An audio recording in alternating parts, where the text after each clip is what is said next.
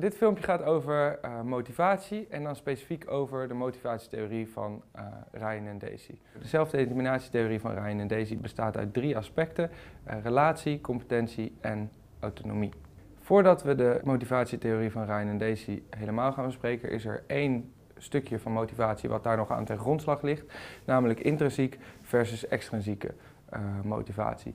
Intrinsieke motivatie uh, komt vanuit jezelf en gaat over of je uh, vanuit jezelf gemotiveerd bent om iets te doen. En extrinsieke motivatie gaat, uh, komt vanuit je omgeving. Voorbeelden hiervan kun je zien in dit schema. Aan de linkerkant zie je de motivatie op basis van verplichting, twee kolommen.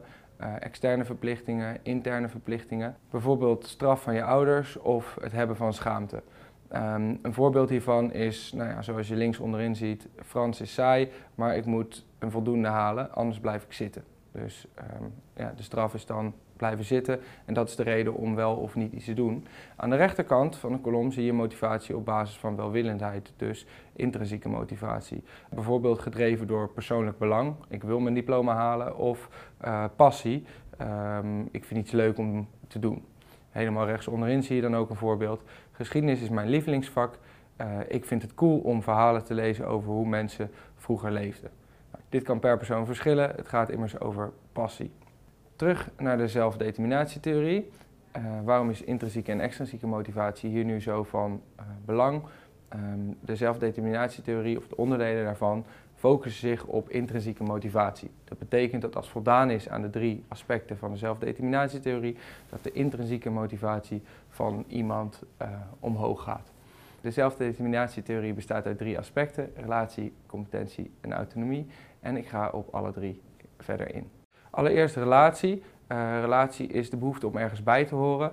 Uh, en dan gaat het om de relatie die je bijvoorbeeld uh, tussen een leerling en uh, leraar vindt, maar ook de, um, de groep, de relatie die iemand met zijn groep heeft, het groepje waarmee die samenwerkt of zijn klas.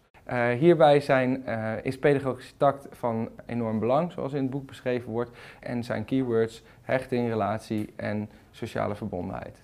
De volgende is competentie hierbij gaat het erom dat uh, in dit geval de leerling vertrouwen heeft in zijn eigen capaciteit om een bepaald doel te behalen. Docentgedrag hierbij uh, is consequent zijn en feedback geven. Um, doordat je als leraar heel duidelijk bent over wat je verwacht van leerlingen en deze aanluidt bij het kunnen van de leerling, voelen de leerlingen zich beter in staat om de taken uit te voeren. Hierbij is een keyword uh, structuurondersteuning en dit gaat over het geven van doelstellingen, het stellen van verwachtingen, consequenties aan het uh, juist of niet juist uitvoeren van een taak, het inlassen van feedbackmomenten, evaluaties, het geven van beoordeling en het geven van uh, begeleiding. Dit verhoogt op haar beurt de zekerheid van de leerling. De leerling heeft het idee dat ze weten wat er van ze verwacht wordt en dat ze daardoor denken ze, wow, deze taak die kan ik afronden. Uh, dat verhoogt het competentiegevoel en daarmee de motivatie van de leerling. Als laatste autonomie. Um, dit gaat over uh, zelfbepaling, dus het gevoel dat ik zelf invloed heb op uh, wat ik mag doen en dat het me niet opgelegd wordt. Belangrijke aspecten hierin zijn eigen keuzes, persoonlijke doelen, innerlijke bekrachtiging, uh, weinig druk van buitenaf, je moet dit doen, en flexibiliteit.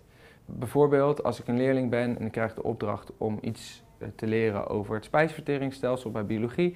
Uh, dat ik kan kiezen door dat af te sluiten met een poster, door een presentatie te maken, door een, voor mijn part een toneelstuk te geven of door een, saaie toets te doen.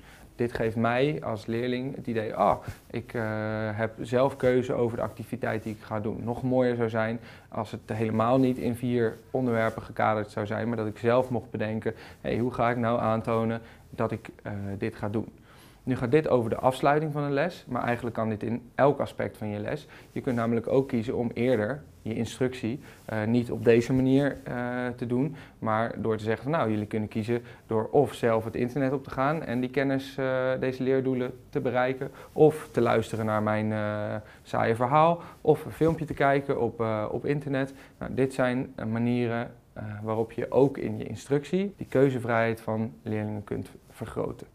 In dit filmpje is motivatie besproken, extrinsieke en intrinsieke motivatie, het verschil daartussen en de zelfdeterminatietheorie van Ryan en Daisy, waarin relatie, competentie en autonomie belangrijke aspecten zijn. Voor meer filmpjes, klik op de link.